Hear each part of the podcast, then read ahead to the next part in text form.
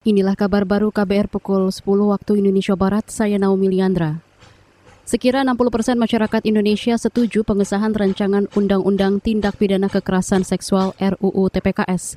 Hal itu berdasarkan survei lembaga Saiful Mujani Research and Consulting SMRC yang dilakukan belum lama ini. Sementara itu untuk kalangan masa Partai Demokrat dan PKS justru jadi yang paling dominan menolak pengesahan RUU TPKS. Berikut penjelasan manajer program SMRC Saidiman Ahmad. Yaitu 74 sampai 98 persen menilai Permendikbud tersebut tidak membenarkan perzinahan melainkan upaya melindungi korban dari kekerasan seksual. Dukungan terhadap RUU TPKS dan Permendikbud juga mayoritas di hampir semua lapisan demografi dan wilayah.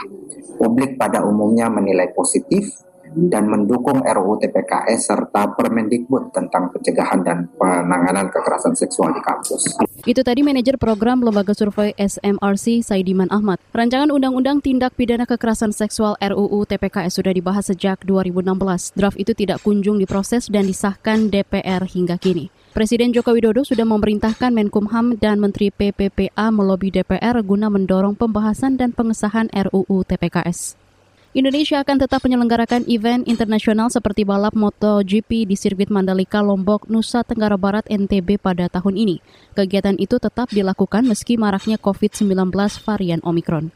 Menteri Pariwisata dan Ekonomi Kreatif Sandiaga Uno mengklaim Indonesia sudah siap mengantisipasi varian Omikron berikut dampak negatifnya. Kasus Omikron akan berdampak pada sektor parekraf kita. Dan tentunya ini harus kita antisipasi dan mitigasi, tapi the show must go on. Kita akan terus menyiapkan kegiatan-kegiatan event yang sudah terencanakan dan kita akan pastikan bahwa Indonesia is ready. Indonesia siap untuk terus menyelenggarakan kegiatan-kegiatan tentunya dengan adaptasi protokol kesehatan.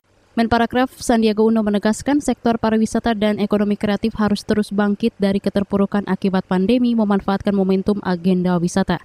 Kata dia, semua agenda itu harus dijalankan dengan tetap menerapkan kewaspadaan dan protokol kesehatan. Saudara, tiket nonton balap MotoGP di sirkuit Pertamina Mandalika Lombok, Nusa Tenggara Barat NTB sudah bisa dibeli secara luring mulai hari ini. Penjualan langsung itu dilakukan melalui sejumlah gerai swalayan dan hotel Angkasa Pura. Tiket MotoGP yang tersedia untuk penjualan secara luring atau offline adalah kategori VIP Hospitality Suites Deluxe Class, Premium Grandstand, Standard Grandstand, dan General Admission. Wakil Presiden Direktur Asosiasi Mandalika Grand Prix Cahaya Diwanda mengatakan penjualan tiket secara offline melengkapi kanal penjualan online yang sudah dibuka sejak Kamis pekan lalu. Balap MotoGP di sirkuit Pertamina Mandalika NTB akan dilangsungkan pada 18 hingga 20 Maret 2022. Demikian kabar baru KBR, saya Naomi Liandra.